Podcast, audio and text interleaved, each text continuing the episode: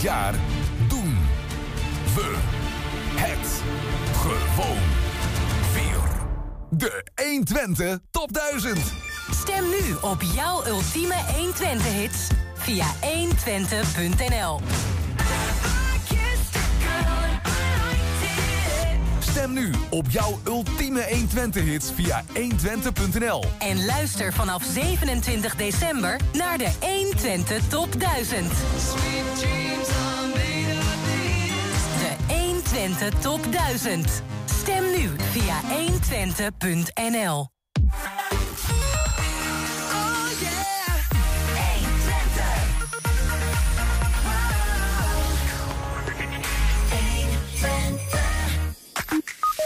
Zijn de Twentse steden vriendelijk genoeg voor LHBTI-plussers? In Hengelo zijn de meningen erover verdeeld. Lunchen, dineren, een borreltje of koffie drinken. Maar dan in een reuzenrad op een hoogte van 70 meter.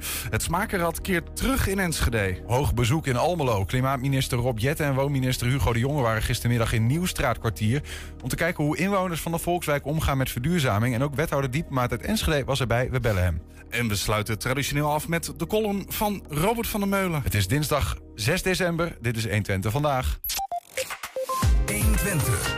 120 vandaag. Om zicht te krijgen op de gevolgen van stijgende energiekosten... vraagt 120 sinds enkele weken aan Enschede's en Hengeloers... om een eh, vragenlijst in te vullen. De eerste 250 enquêtes zijn ingevuld. Een mooi moment dus voor een update, dachten we. Bij ons is Mr. Enquête himself, collega Wilco Lauwers. Ja, goedemiddag. Ja. Welkom. Mooi man, zitten we weer. Ja, of niet? En eh, dit keer om eh, over nou ja, eh, nou ja, eigen nieuws te praten. Als in, we, zijn op zoek naar verhalen van mensen. Ehm, nou, in, in het algemeen, hoe, hoe, hoe staat het ervoor? We hebben, ik wou zeggen 263 heb ik op mijn brie- speakbriefje staan, maar ik heb ook de enquête voor me.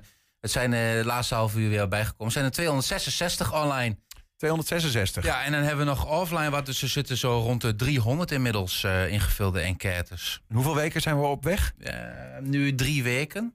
Eh, en dan moet ik zeggen, de eerste week, normaal gesproken met enquêtes als we die hebben, zoals rond de verkiezing gaat, de eerste week is het een soort stoomloop en daarna kalft het wat af. Mhm. Dat is nu, en dat wisten we natuurlijk wel met dit, dit soort onderwerpen, is het natuurlijk anders. Hè? In het begin zagen we wel, we hadden er gauw al 100.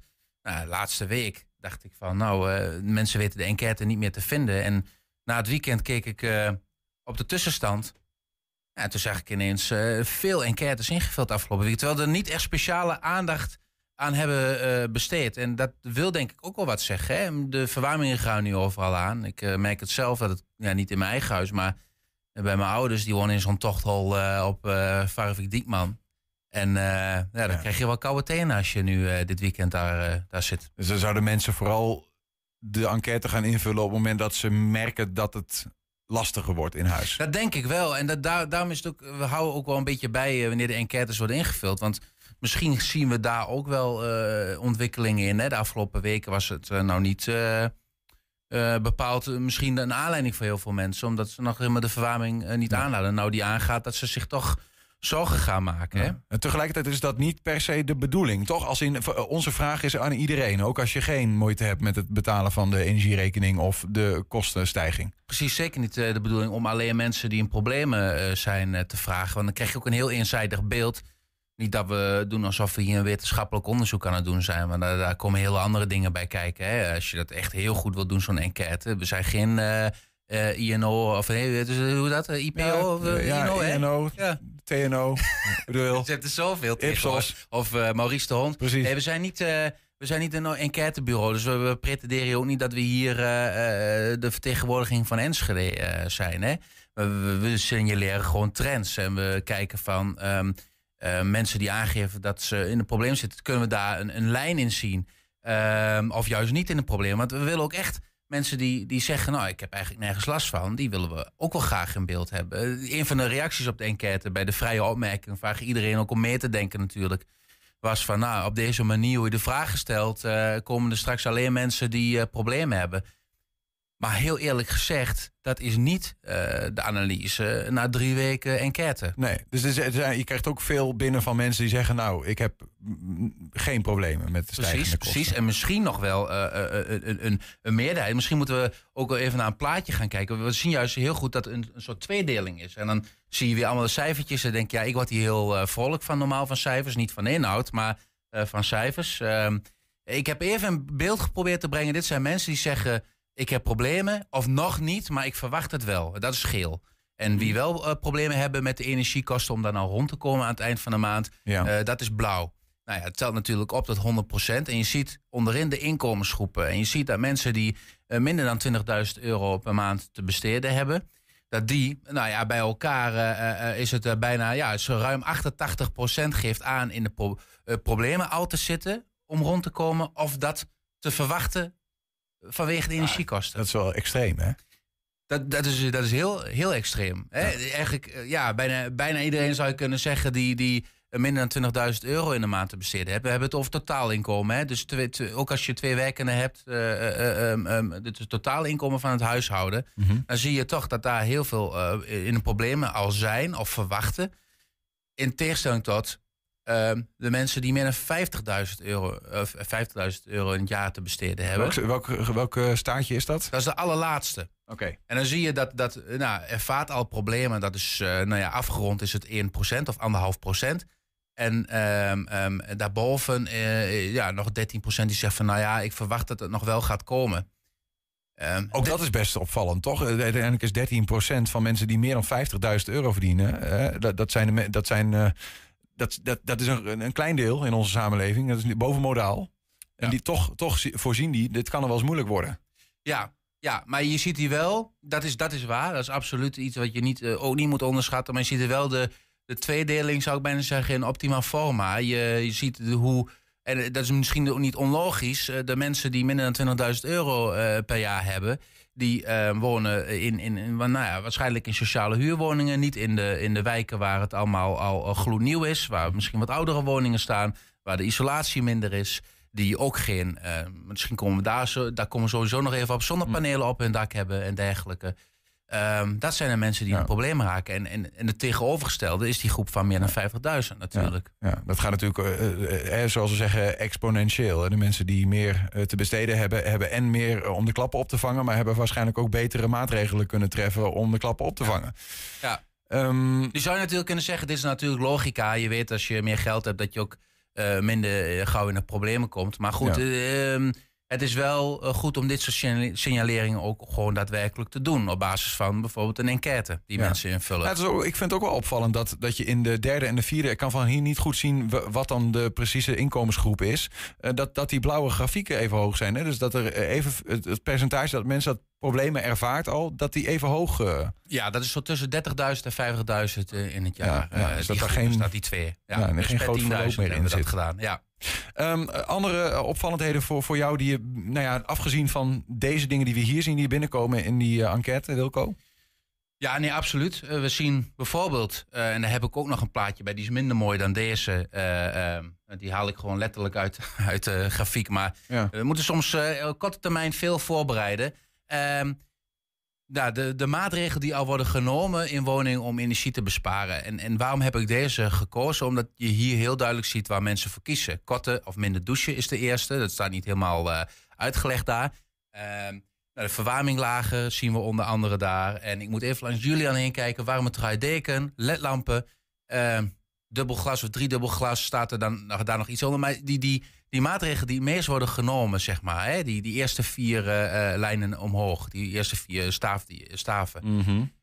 Dat zijn eigenlijk allemaal maatregelen waarvoor je niet per se iets in je huis hoeft te doen. Hè? Ja. Je trekt een trui aan. Ja, is dat een maatregel? We hebben hem ertussen gezet. Omdat, dat, omdat heel veel mensen, denken wij, dat als eerste gaan doen.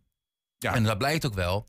Ehm, maar dit zijn, dit zijn maatregelen die je heel makkelijk kunt nemen. Ja. Eh, Er zijn heel weinig mensen, valt ook op, die helemaal geen maatregelen nemen. Dat zijn de 12 van de 200, eh nou 63 was dit nog, hè, toen ik dit uit, uitprintte.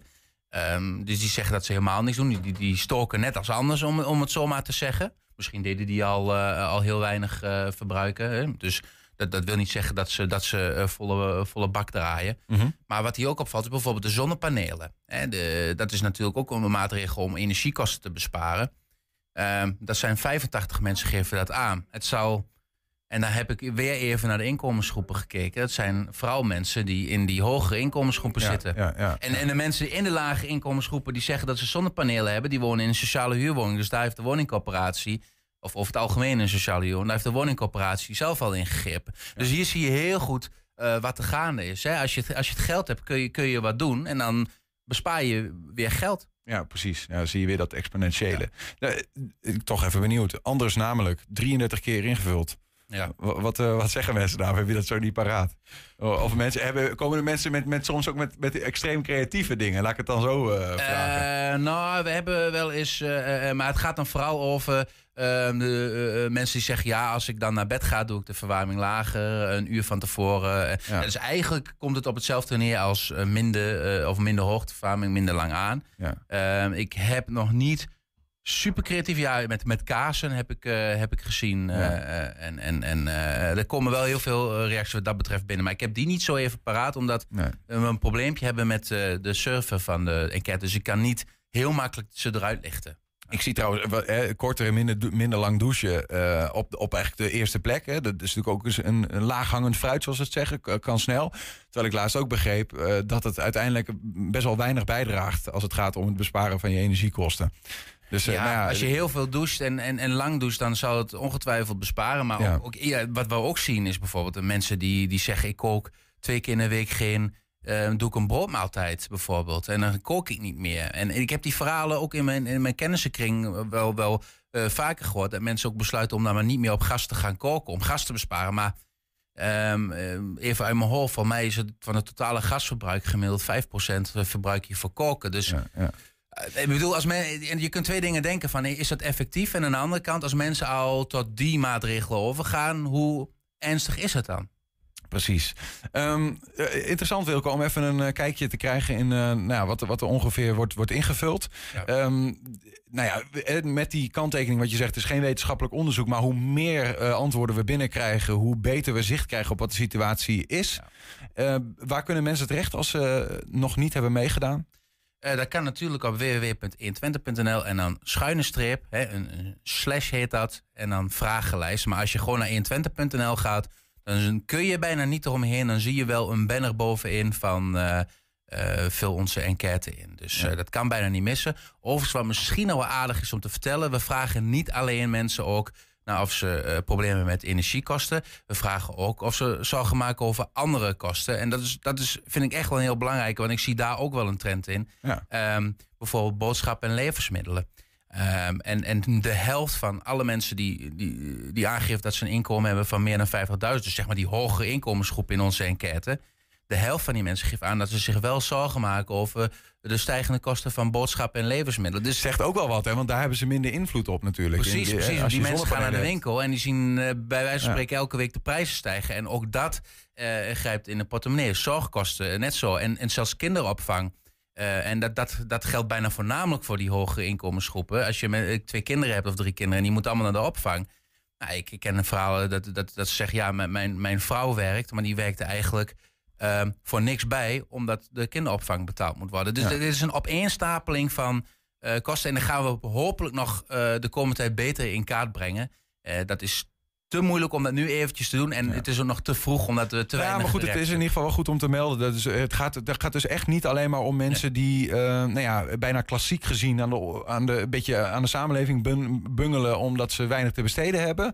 Eh, ook als je dus wel te besteden hebt en je ziet gewoon deze dagen dat je, eh, dat, dat, dat, nou ja, dat je rekening sneller geplunderd wordt dan, eh, dan, dan je had gedacht. Laat ons weten wat er speelt. En dan krijgen we een zo compleet mogelijk eh, beeld. Eh 120.nl slash vragenlijst. Ja. Wilco, dankjewel. Geen probleem. Zometeen zijn de Twentse steden vriendelijk genoeg voor de LHBTI-plussers. In Hengelo zijn de meningen erover verdeeld. En zijn ook als podcast te vinden via alle bekende platforms. Je vindt hele uitzendingen, maar ook elke dag één item uitgelicht. En nu ik toch bezig ben, ga even stemmen op de 120 Top 1000 via 120.nl slash top 1000. 120. 120 vandaag. Lunchen, een borreltje, dineren of een koffie, maar dan in een reuzenrad op een hoogte van maar liefst 70 meter. Het Smakenrad keert terug naar het Volkspark in Enschede. Vanaf 13 december tot en met 8 januari kunnen bezoekers aanschuiven voor een hapje en een drankje op die bijzondere locatie. Aan lijn Bram Verleg, hij is directeur en initiatiefnemer van dat Smakenrad. Bram, goedemiddag. Een hele goede middag. Hallo. Vorig jaar voor het eerst in Enschede, nu komt hij terug. Een succes blijkbaar. Nee, eh, Enschede is gewoon een leuke stad. en leuk om van hoogte te zien. Nou, fantastisch om, om, om van een hoogte te zien. Eh, eh, er, is, er is genoeg in Enschede te beleven. En we, hebben het, we hebben het zo, ja, we hebben eigenlijk zo'n toffe ervaring in Enschede. Mhm. Verleden jaar. we hebben af moeten breken, inderdaad, omwille van COVID. Ja. Uh, wat is de eerste locatie die we aan gaan doen met, ons, uh, met onze nieuwe beleving, ons 70 meter hoger rad? Ja, dat is Enschede. Dat was voor ons een hele makkelijke uh, keus. Want dit is, dit, is, dit is een ander rad? Dit is een ander rad als verleden jaar. Verleden jaar waren we 48 meter hoog. Oh. En dit jaar met het nieuwe rad, dat is 70 meter hoog. Is dat een, een, een, logisch ding dat het elk jaar groter wordt? Of waar nee, komt het vandaan? Nee, absoluut niet. Dat is geen logisch ding, want het is de bedoeling inderdaad dat we hier jaren mee gaan toeren. Uh, en uh, het is een, een, een, nieuwe, nieuwe machine Mhm. mm -hmm. uh, van, van KMG. en voor ons was het na verleden jaar, COVID, wilden, waren we al aan het werken aan een nieuwe belevingsfactor. en dat heeft zich ontplooid in, in het hogere wiel. Hey, nou, ik lijkt me dat het ook succesvol voor jullie als het rendabel is. Hè? En, en ik heb even gekeken, bijvoorbeeld een diner betaal je 40 euro pp voor. Het is best een prijs. Het is ook een bijzondere ja. beleving. Maar goed, Enschede'ers zijn al gemiddeld gezien niet per se de meest vermogende mensen. De, de, ik vroeg me af, zat je wel ge, genoeg vol eigenlijk hier uh, in, in het Volkspark? We hebben, we hebben prima gedraaid. We hebben prima gedraaid en uh, ik, ja, we hebben de, de gasten een mooie beleving uh, weten te geven. In combinatie met, met de hoogte, met het eten en het drinken. Uh, er was voor ieders wat wils. dus voor een zeer brede beurs toegankelijk.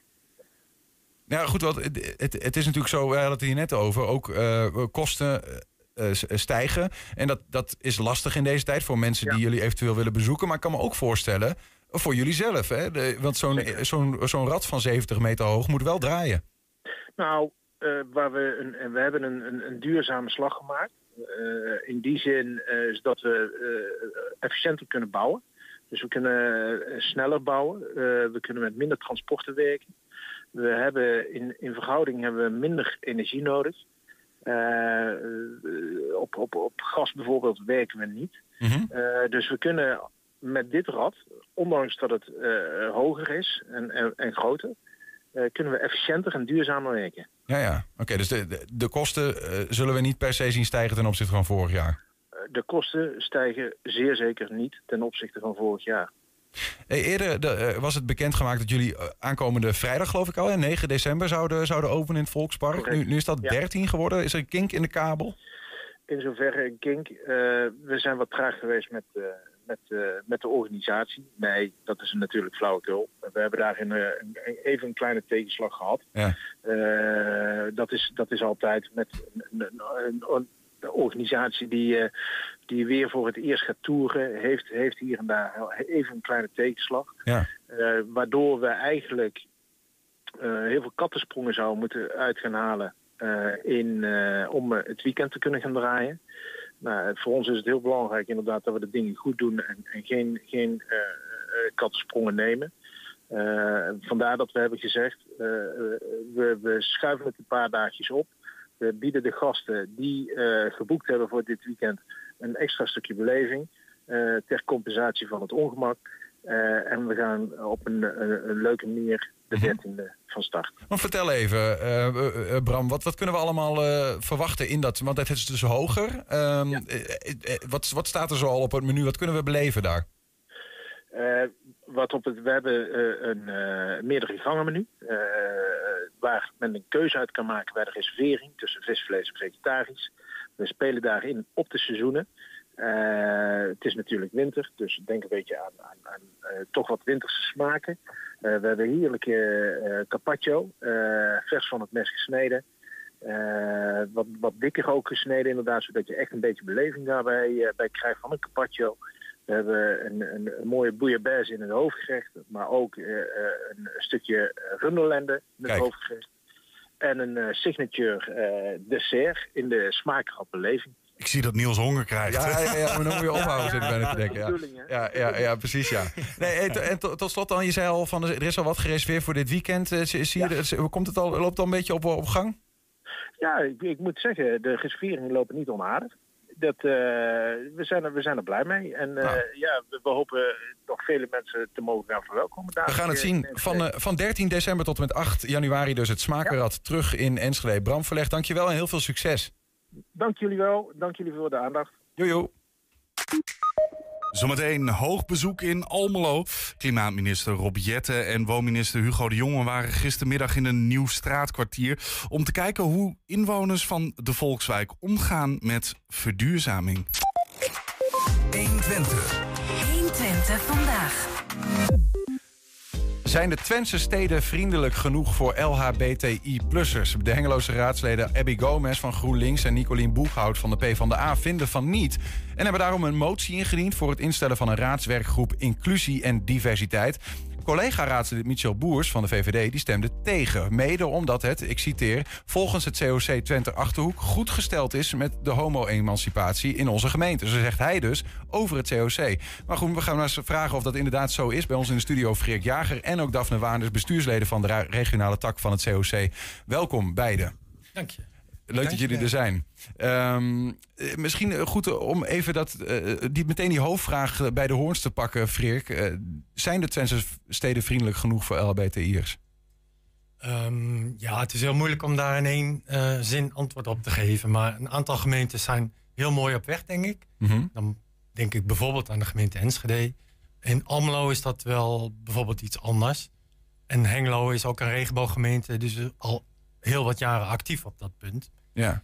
Wil niet zeggen dat het niet beter kan. Dus eh, Nou ja, goed, maar als, als iemand als Mitchell Boers dat zegt, dan baseert hij zich, neem ik aan, ergens op. Doen jullie daar uitingen over of zo? Van, nou ja, in Hengelo gaat het goed genoeg? Of eh, hoe, ook, waar komt het vandaan? ik weet niet precies hoe hij tot dat standpunt is gekomen dat het COC tevreden is. Ja. Ik ken Mitchell wel als een voorvechter van eh, de LBT-rechten. En in die zin steunt hij ook vaak allerlei activiteiten. Maar we hebben niet rechtstreeks contact gehad over hoe het nu in Hengelo op dit moment gaat. Nee. nee.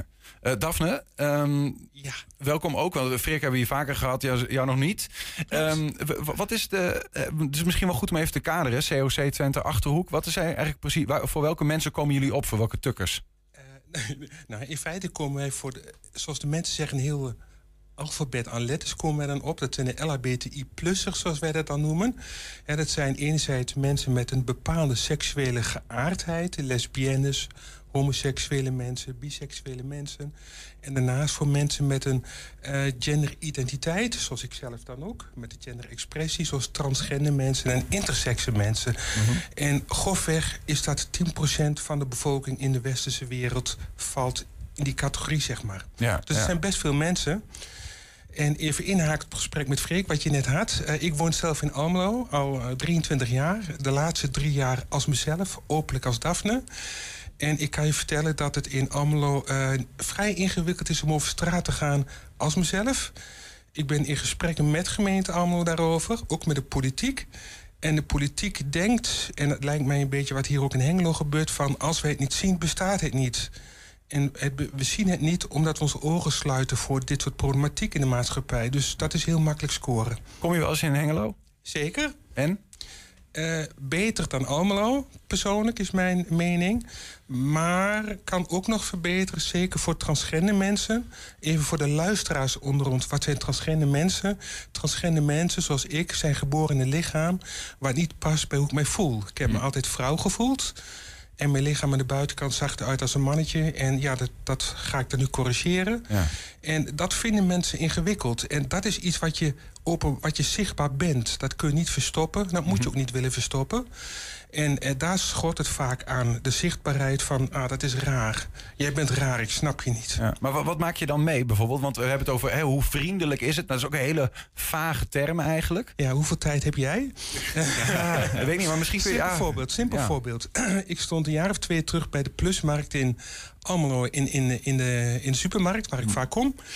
Eh, kind aan huis. En begon een man tegen mij te schreeuwen. Out of nowhere gewoon tegen mij te schreeuwen. Allemaal schuttingwoorden. eh, geen nette bewoordingen. Was boos met mij. Noemde mij voor alles. En die gaat mij achterna. Niemand grijpt in. Heel druk in de supermarkt. Niemand doet wat. Ja. Ik ben helemaal in paniek op dat moment. En nou ja, niemand helpt mij. En ik denk van, het alle, ik ga naar huis. Man komt in de auto achter me aan. Dacht ik dus echt paniek.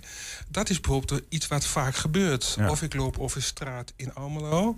Waar soms mensen met een andere culturele achtergrond wonen. Die hebben wat meer moeite met mensen zoals ik. En die gaan er bijvoorbeeld tegen mij eh, iets roepen... wat ik hier niet op de radio zal vertellen. Ja, maar het heeft te maken met het bovenkamertje... eh, wat anderen daar niet zien, dat ze wel iets met mij willen doen. Ja, ja. Nou, ik zit me ook meteen af te vragen. Dat, dat gaat ook om eh fatsoensnormen, denk ik. Zeker. nou ja, de- dat, dat, dat gaat heel, heel diep soms. Ook in culturen en hoe mensen zijn opgevoed, dat soort dingen. Ja. Heb- in Hengelo wordt er over gepraat. We moeten een raadswerkgroep hebben. Inclusie en diversiteit komt misschien zo, zo nog wel op. Maar de vraag überhaupt, bij wie ligt dit eigenlijk? Hè? Ehm, vraag je zoiets aan een gemeente? Of wat dan ook? Ja, ik weet niet, Freek, jullie als COC, wat, wat denken jullie daar eigenlijk over? proberen via allerlei kanalen natuurlijk invloed uit te oefenen op dat eh, beeld. Hè? Dat mensen iets meer vertrouwd raken met eh, dat er veel diversiteit is. En eh, het zichtbaar maken, dat doen we op allerlei manieren. Bijvoorbeeld ook op scholen, daar begint het al mee. Als kinderen meer vertrouwd zijn met de diversiteit, ook weten dat er meer is dan mannetje, vrouwtje, eh, dat helpt al. Ja. Eh, dus, en de gemeente heeft daar wel een indirecte rol in, in de zin dat ze scholen kunnen stimuleren om daar activiteiten in te doen. Bijvoorbeeld aanstaande vrijdag is pa Paarse Vrijdag. Hè? Dat is een dag waarin we stilstaan bij de diversiteit. En eh, als scholen dat ook wat breder doen, en gemeenten spreken ze daarop aan, dat helpt. Ja. Dus het is vooral de onbekendheid, ding, denk ik, waar wij wat in kunnen doen. Nou ja, ik zit ook te, tegelijk te denken van dat, dat, die mening hoor je wel eens bij mensen die ehm, nou ja, misschien wat vaker in het politiek rechtse segment zitten. Van ja, diversiteit houdt ook in dat ik mag vinden dat ik het gek vind. Bijvoorbeeld. Ja, daar vind ik ook wel iets van. Eh, dat- iedereen mag iets van mij vinden. Dat vind ik helemaal niet erg. Ik zeg alleen, je hoeft je er niet naar te gedragen in een negatieve zin. Want daar zit het onderscheid ook Ja. in. Je mag een andere mening hebben. Wij hoeven niet hetzelfde te denken. Maar als je iets van mij vindt, betekent het niet dat je mij in elkaar mag slaan, omdat je dat vindt. En daar schuurt het vaak. Ja. Die discussie willen ze liever niet aan. Daar, daar, ligt, daar ligt echt een grens. Zeker. En die moeten we bewaken. Ja. Ja, nou ja, eh, eh, eh, om even terug te gaan naar de samenwerking gemeente-COC. Want hoe werkt dat eigenlijk precies? Want jullie zijn een, een, een, een NGO of een, in ieder geval Ja. Nou ja, belangenvereniging, belangengroep. Eh, maar krijgen geld wel van de overheid? Of hoe, hoe, wat doen jullie eigenlijk en hoe zit die verhouding tussen gemeente en COC in dit geval? Ja, wij krijgen van de regenboogsteden, dat is in Twente, dus eh, zijn dat Enschede en Hengelo, krijgen we jaarlijks subsidie. Die vragen we aan op basis van wat we aan plannen hebben. Mhm. En dat helpt ons dus om die plannen te realiseren. Dat krijgen we niet van de andere, Nee. van de andere En steden. eh, welke plannen zijn dat dan? Wat doen jullie zelf als COC daarin? Veel ontmoetingsgroepen voor allerlei verschillende groepen. Er is bijvoorbeeld een, een café specifiek voor mensen met eh genderidentiteitsissues. Het transgender café, maar we hebben dat ook voor ouderen. Voor de jongeren tot en met 18 jaar. Ja. Dus er zijn diverse ontmoetingsgroepen, die doen we daarvan. Maar ook voorlichtingen, we reizen naar scholen. Dus we hebben natuurlijk Ja. altijd wel wat geld nodig. Niet heel veel, maar wel wat. Maar goed, ook voorlichting dus bij mensen die buiten die eh, doelgroep Zeker, vallen. En om ze te onderwijzen over hoe jullie naar de wereld kijken. En hoe jullie zouden willen dat anderen dat ook doen in dit geval. Precies. In de scholen heb je natuurlijk diversiteit in de klasse ook. Ja. Dus dan spreek je hopelijk ook mensen met een andere achtergrond. Ja. Even eh, terug te komen op gemeente, wat je noemt, hè? regenbooggemeente, Enschede, Hengelo. Eh Daphne, je komt uit Almelo, we hadden het er net al even over, geen regenbooggemeente. Terwijl het al wel een aantal keer is geprobeerd, zelfs door minister van Engelshoven. Ja, wat is daar eigenlijk, waar zijn ze bang voor? Eh, dat is een hele goede vraag. Waar ze bang voor zijn, is ze zien de noodzaak er niet van, omdat ze zelf niet tot onze gemeenschap behoren. En zoals in het vorige coalitieakkoord zo mooi stond, het is fantastisch wonen, werken en leven in Almelo. En dan vul ik hem voor de politieke partijen altijd in waar ik mee in gesprek ga van. Behalve als je tot de LHBTI-gemeenschap behoort, want dan ziet het er anders uit. Maar dat, ervaart ook direct een correlatie tussen geme- regenbooggemeenten zijn en eh, het gevoel wat in ieder geval jij dan hebt eh, in jouw positie. Nou ja, kijk, het gevoel doet veel met mij, maar ik trek gevoel en wat er gebeurt altijd uit elkaar. Ja. Wat er feitelijk gebeurt is dat mensen zoals ik, maar ook homoseksuele mannen en lesbische vrouwen, eh, men kijkt negatief op ons neer en gedragen dan negatief naar ons, worden in elkaar geslagen, uitgescholden. Ja. En dat doet iets met ons als mens, maar het gaat natuurlijk eerst om het gedrag van die mensen. En daar zit bij AMLO niet de noodzaak om er iets mee te doen. Ik heb daar onlangs nog een gesprek gehad op de gemeente. En eigenlijk is de strekking die ik meekreeg van... ja, wij hebben geen beleid voor LHBTI'ers. En ja, dat is spijtig, dus we kunnen niks voor je doen. En ja, we gaan dus vooraf niet met elkaar zorgen dat iedereen veiliger is. Want dat geldt ook voor andere groepen. En het is meer zo van, ja, als je dan in elkaar geslagen bent... dan gaan we met z'n allen zeggen, oh, wat zielig. Oh, dat vinden we wel heel erg. En dat is natuurlijk... De, Maar er wordt niks aan gedaan, dat hoor ik je eigenlijk zeggen. Nee, Ja. de politiek Ja. zegt we willen wel en de gemeenteraad zegt van ja, we hebben geen beleid. En dan zeggen de ambtenaren en dus kunnen wij niks doen. En we gaan over tot de orde van de dag. En dat is natuurlijk niet oké, want gemeenten hebben namelijk ook een verantwoordelijkheid. Hoe, eh, eh, je, je, je hebt hier in Twente heb je aardig wat eh, gemeenten zitten. Je hebt dus twee regenbooggemeentes. Hoe zit dat elders in het land? I- hebben ze daar meer regenbooggemeentes of is dat eigenlijk ook een beetje hetzelfde als hier? Het is wel ongeveer hetzelfde, denk ik. Er zijn een stuk of 50 gemeentes in Nederland, regenbooggemeenten, verspreid over de provincies. Dus dat, ja, in Twente is met twee grote steden is dat helemaal niet zo gek. Nee. Maar wel de meeste middelgrote en grote steden zijn het wel. In die zin is het bijzonder Mhm. Dat Almelo dat nog steeds niet doet. Ook omdat je dus als regenbooggemeente 20.000 euro van het Rijk kan krijgen als je er zelf geld bij legt, geloof ik, hè? Dat was het ook. En eh, nog even voor de luisteraars. Eh, wat denken beleidsmedewerkers bij de gemeente Almelo? Wat denkt de politiek? Wij hijsen één keer per jaar de regenboogvlag. En we hebben een regenboogpad. En dat is genoeg voor de zichtbaarheid. Maar dat is maar een onderdeel van hoe je ermee om moet gaan. Ehm, eh, over dat omgaan en hoe gemeenten dat willen doen. In Hengelo wordt gesproken over een raadswerkgroep eh, inclusie en diversiteit.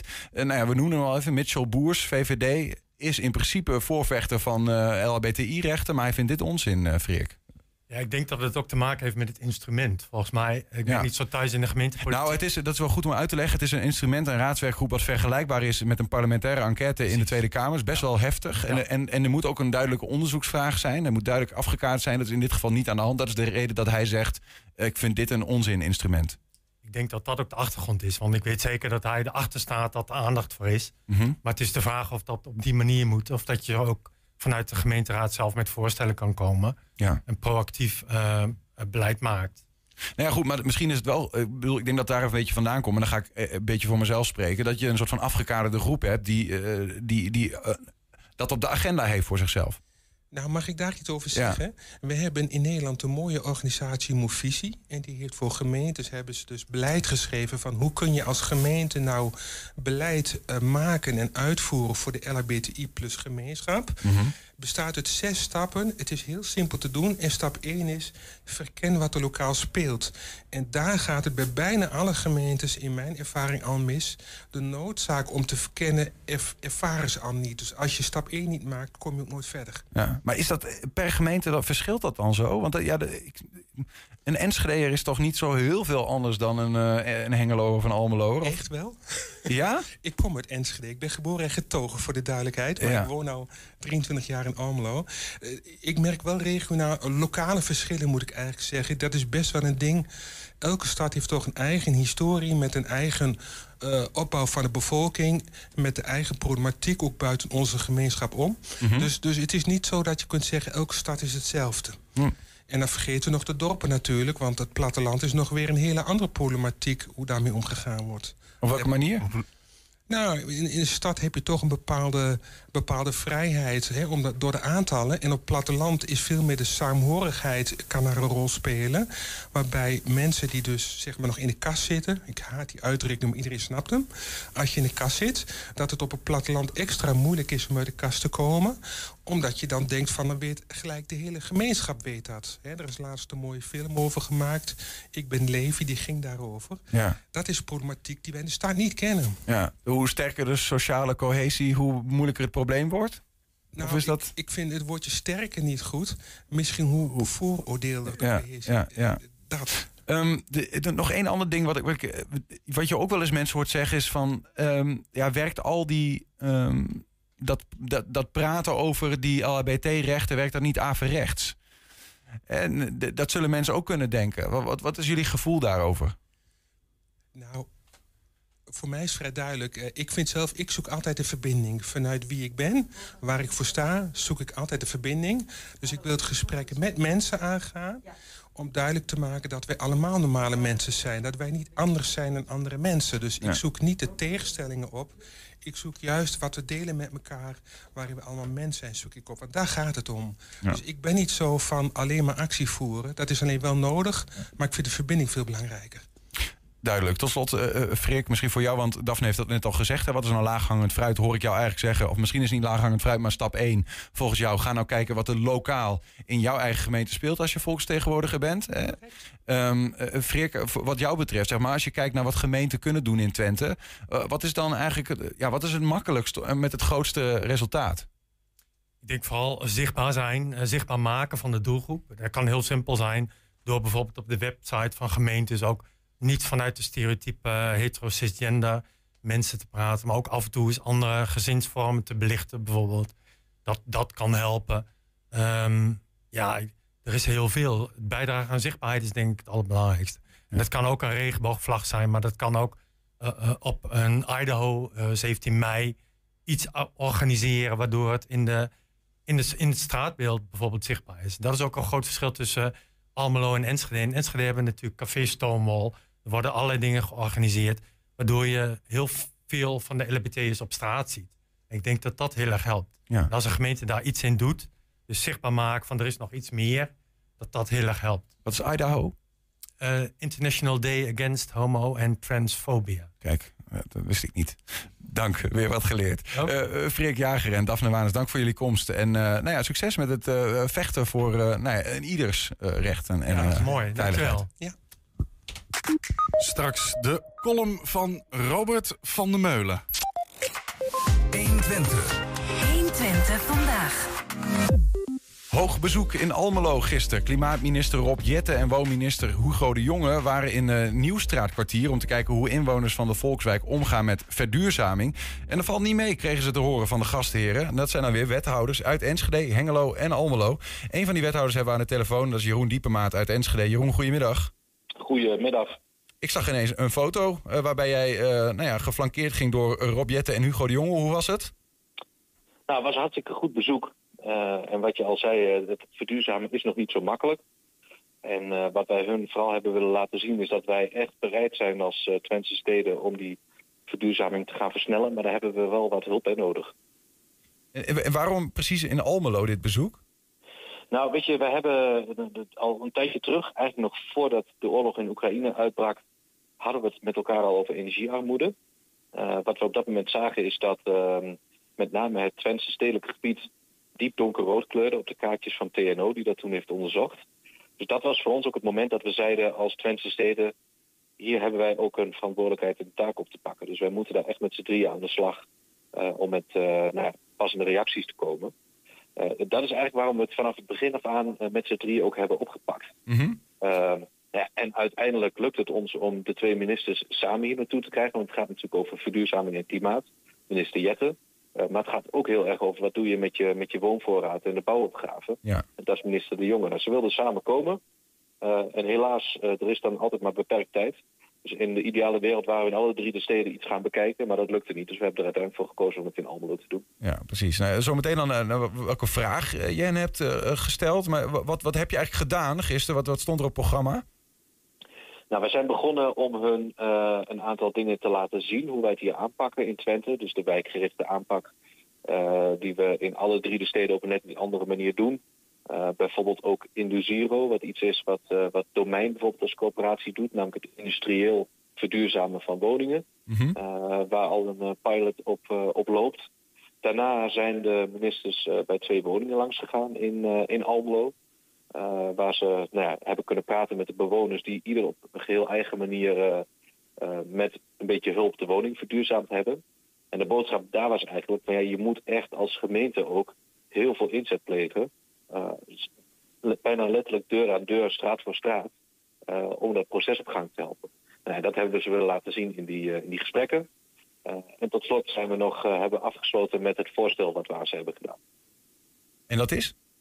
Nou, de vraag die we bij hun hebben neergelegd is: als je nou kijkt naar ehm, de huishoudens die vallen onder energiearmoede in die drie steden.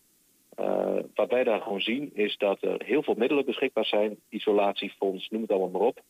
Maar daar moet je ontzettend veel formulieren voor invullen. Er zijn heel veel regelingen naast elkaar. Dus dat is voor de gemiddelde inwoner echt niet te doen. Dan moet je bijna energieadviseur voor zijn. Dat zijn de meeste mensen niet. Dus wat wij hebben gezegd is, schrap nou al die regelingen. Maak dat geld in één keer aan ons over.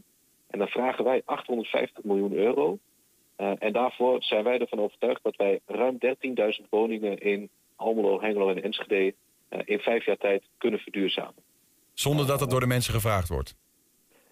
Uh, nou ja, dan gaan we er actiever in zitten. Dan gaan we dat wijkgericht doen, straat voor straat, deur voor deur.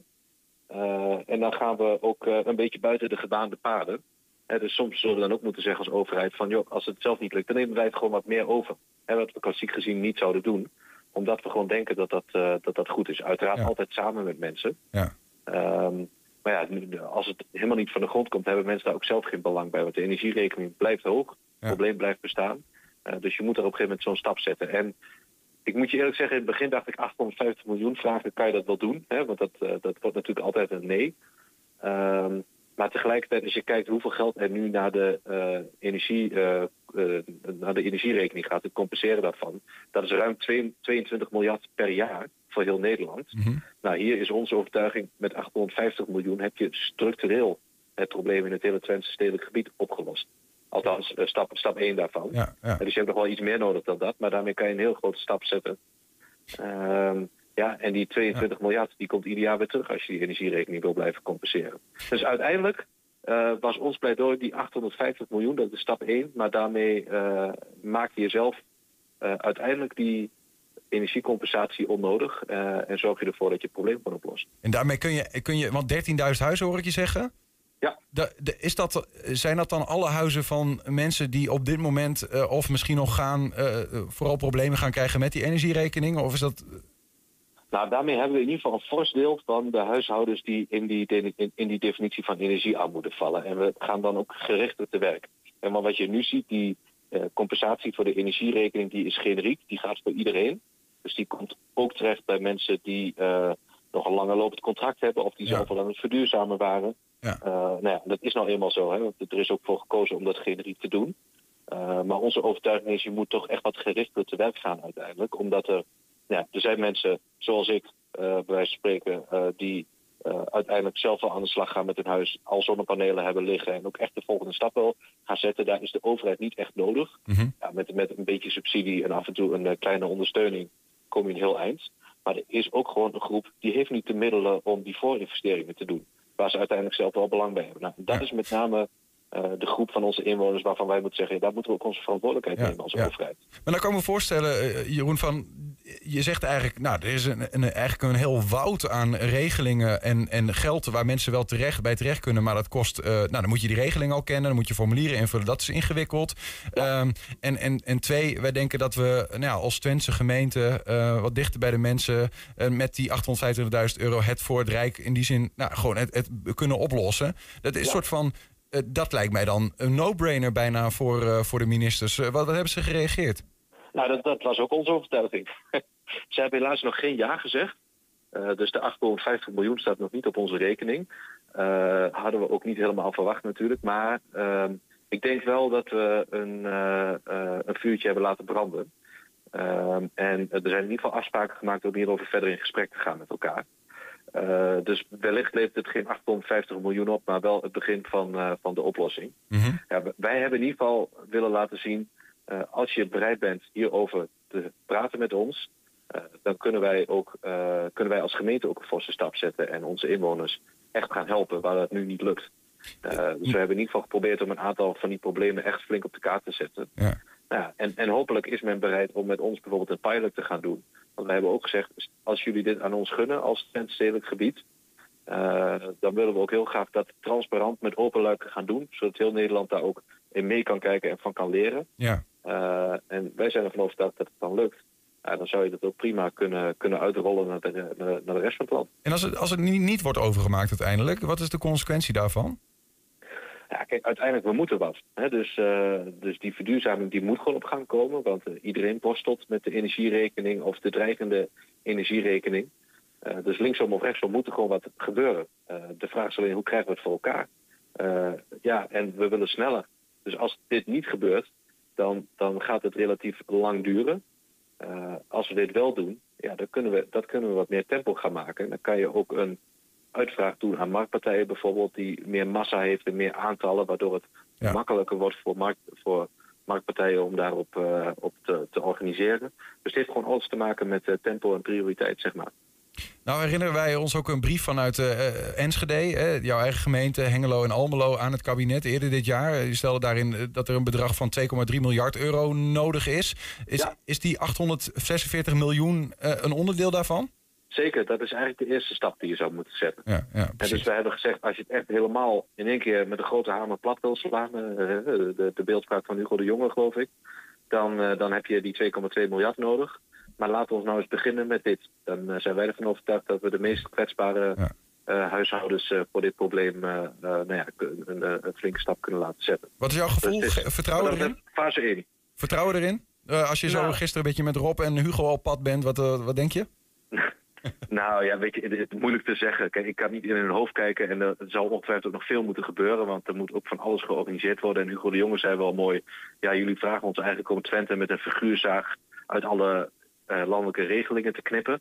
Eh toen ik gezegd, ja, dat klopt, dat is eigenlijk precies wat we vragen. Nou of dat lukt, eh, weet ik niet. Ik hoop in ieder geval dat we duidelijk hebben kunnen maken van, als wij dit probleem, wat zij ook willen, echt willen oplossen met elkaar, eh, dan moeten we daar gewoon als overheid een flinke verantwoordelijkheid in nemen. En daar hebben we het bij nodig. Ja. Nou, mooi dat we eh, mogelijk als Twente daarin dan eh, nou ja, een voorbeeldpositie kunnen gaan eh, spelen. Wij doen ons best. Jeroen Diepema, dankjewel. Graag gedaan. Heb je een tip voor de redactie? Mail dat dan eventjes eh, via info.120.nl en stem ook eventjes op die top 1000. Dat is 120.nl slash top 1000. 120. 120 vandaag. Meteen even vragen aan Ja. onze columnist natuurlijk. Hè? Wat, wat er in zijn lijst niet kan ontbreken. Een, een, een top 1000, alle tijden. Robert van der Meulen. Dat komt wel heel erg mooi uit nu. Oh ja? Ja, want ik eh, hoorde van de week een liedje en daar gaat mijn column over. Oh, En dat liedje mag, mag wat mij betreft juist in deze tijden wel, eh, wel hoog in die top eh 100, 500. Moet ik voorspelling doen welke het is? nee, nee, nee. nee. Ik, ik ga gewoon, we, we hebben dit niet afgesproken. Hè? dat nee, zou maar zo nee, kunnen. nee, maar dat nee. is, eh, de toeval Het bruggetje is te mooi mensen. om waar te zijn. Het Precies. mooi om waar te zijn. We gaan ja. luisteren. Robert van der Meulen met Nou, de ja. column van de dag. Goed. Willie McBride. De schattingen over het aantal jonge mensen die aan het front in Oekraïne dus dood in worden gejaagd, lopen volgens een Amerikaanse legerleider uiteen van 50 tot 200 per dag. Een gemiddelde van zo'n 125 per dag dus. En dat al sinds het starten van de oorlog op 24 februari van dit jaar. Het woord uitbreken vermijd ik bewust. Een pandemie of een brand, ja, die breken uit. Een oorlog wordt gestart en is bijna altijd een keuze van een narcistische machthe- machthebbende man die een grote groep onmachtige mensen in gijzeling neemt. Ik moest denken aan die kille statistiek toen ik gisteren een wonderschoon liedje op de radio hoorde. No Man's Land luidt de titel, ook wel bekend als The Green Fields of France of Willie McBride. Het werd in 1976 geschreven door de in Schotland geboren Australische liedjesmaker Eric Bogle nadat deze een militaire begraafplaats uit Wereldoorlog I in Noord-Frankrijk bezocht had. Het inspireerde hem tot het schrijven van een lied dat wereldberoemd zou worden. De tekst gaat over een wandelaar die op zijn dagtocht toevallig een oorlogsbegraafplaats passeert en besluit om er even uit te rusten. De wandelaar eet een boterham bij het graf van een zekere Willie McBride. Een man, of beter gezegd een jongen nog, want in 1916 was hij pas 19 jaar. De wandelaar verstilt en zoekt in gedachten even contact met de gesneuvelde jongen onder hem. Het is zo'n lied dat je bij de strot grijpt en je tot het bittere besef doet komen dat we nu, ruim 100 jaar later, nog in steek op geschoten zijn. Want anno 2022 gebeurt het ergens in een green field in Oost-Europa ook nog steeds zo'n 125 keer per etmaal dat een Oekraïense of een Russische Willie McBride ochtends gezond van zijn Brits stapt om s'avonds zinloos in een koelcel te belanden. Zinloos, ja. Want elke oorlog gaat uiteindelijk een keer voorbij. Ook deze in Oekraïne. En daarna zal er herdacht worden. Zullen er krans op graven van alle Willie McBrides worden gelegd. Zal er gesproken worden van nooit weer, nie wieder. En ook over vrede voor altijd. Die vrede zal er vervolgens tenminste duren tot een onroepelijke volgende oorlog. Want altijd weer zal er ergens een narcistische machtige man zijn. Het is nooit een vrouw die oproept tot het voeren van een gerechtvaardigde oorlog. Zo raar, een gerechtvaardigde oorlog. Proef die woord eens goed. Het bestaat toch helemaal niet, is wat ik denk. Iedere oorlog is toch bij voorbaat een misdaad tegen de menselijkheid en daarmee per saldo nooit te rechtvaardigen. En daarom dacht ik zo, kom, laat ik jullie eens deelgenoot maken van een stukje familiegeschiedenis, waar juist ongerechtvaardigdheid, bestaat dat woord, van iedere oorlog het narratief is. Komt-ie. Mijn vader was het jongste kind uit een gezin van vijf. Hij was een nakomer. Zijn vader, mijn opa, was al ruim 50 jaar en zijn, en, uh, zijn moeder, mijn oma, al 40 jaar. Toen hij zich in 1913, kort voor de start van de Eerste Wereldoorlog, aandiende. In mijn familie het wat, in mijn familie het wat generaties betreft van lange halen snel thuis. Ik ben van 1963, mijn vader was van 1913, mijn opa van 1863. Toen Wereldoorlog 2 gestart werd, was mijn vader net 27, net ietsje jonger dan onze oudste zoon nu is. Mijn vader deed als vrijgezelle angry young man al gauw rechtvaardige dingen, die de bezetter zou nou niet direct als gerechtvaardigd zou beschouwen. Op een kwade dag werd hij opgepakt en vastgezet. Zijn vader wist lange tijd niet, zijn familie wist lange tijd niet waar hij was.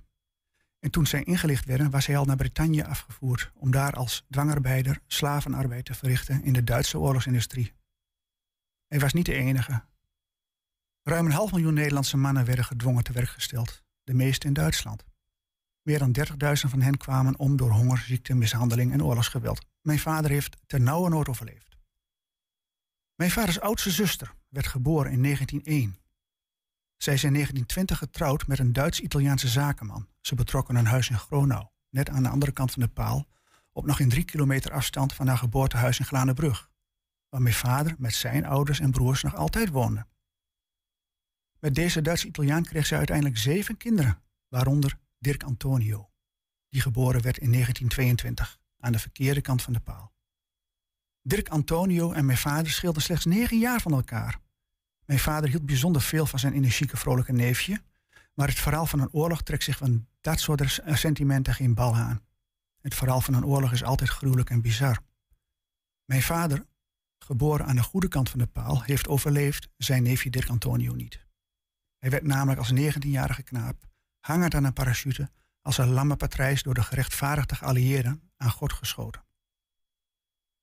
De landing door de Duitsers op Kreta onder de codenaam Unternehmen Merkur begon op de ochtend van 20 mei 1941. Het was de tot dan toe grootste luchtlandingsoperatie uit de geschiedenis. Zowel door de grote omvang als de bijzondere aard van de operatie ondervonden de Duitsers veel problemen. De operatie was succesvol voor ze, in de zin dat het eiland veroverd werd op de verdedigende geallieerde troepen. Maar de overwinning was zo kostbaar dat de Duitsers later nooit meer een belangrijke luchtlandingsaanval zouden uitvoeren. Ook Dirk Antonio liet hier, als een van de vele jonge mannen, zijn jonge leven. Hij moest met een Italiaanse vader en een Nederlandse moeder sterven voor Duitsland, waar zij maar drie kilometer verderop geboren. Mijn vaders zuster is er nooit echt overeengekomen. Niet zo gek, welke moeder zou dat ook lukken?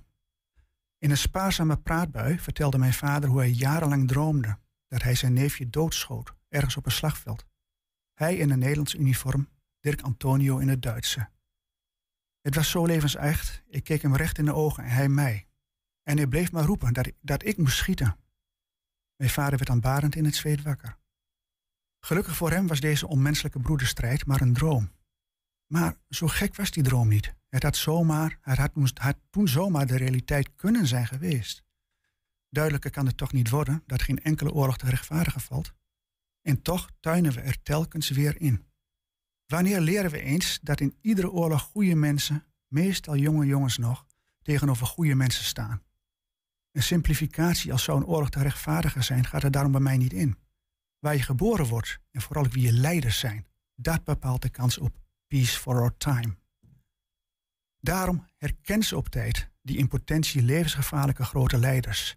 Pik ze er op tijd uit en serveer ze gedecideerd met pek en veren af.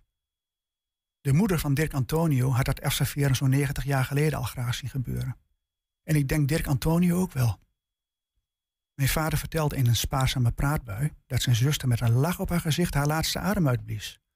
Kort voor dat moment had ze gefluisterd dat ze zo gelukkig was binnenkort haar zoon weer te kunnen omhelzen. Ik moest gisteren denken aan een oud, maar helaas niet gedateerd anti-oorlogsliedje, waarvan de titel luidt Willie McBride. Het had ook Ivan Ivanovic of Dirk Antonio kunnen heten. Zet het eens op. Persoonlijk zou ik de uitvoering van de Cranberries kiezen. De column van Robert van der Meulen. Robert, bedankt. Daarmee zijn we ook aan het einde gekomen van 120 vandaag. Terugkijken, dat kan direct via 120.nl. Vanavond 8 en 10 op televisie te zien. En op diezelfde 120.nl kun je ook op de top 1000 stemmen. Doe dat even joh. Zometeen ketreactie. Veel plezier en tot morgen.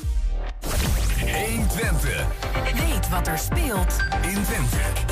Met nu het nieuws van 5 uur. Goedemiddag, ik ben Eva Vloon. Koning Willem-Alexander laat een onafhankelijk onderzoek doen naar de rol van zijn familie in het koloniaal verleden. Volgens hem is het belangrijk om alle feiten op tafel te krijgen en onder ogen te komen wat er eventueel fout is gegaan. Het onderzoek duurt drie jaar en wordt gedaan door de Universiteit Leiden. De politie heeft twee mensen op het oog die brand zouden hebben gesticht bij de asielopvang in Zomeren. Op camerabeelden is te zien dat ze in een Volkswagen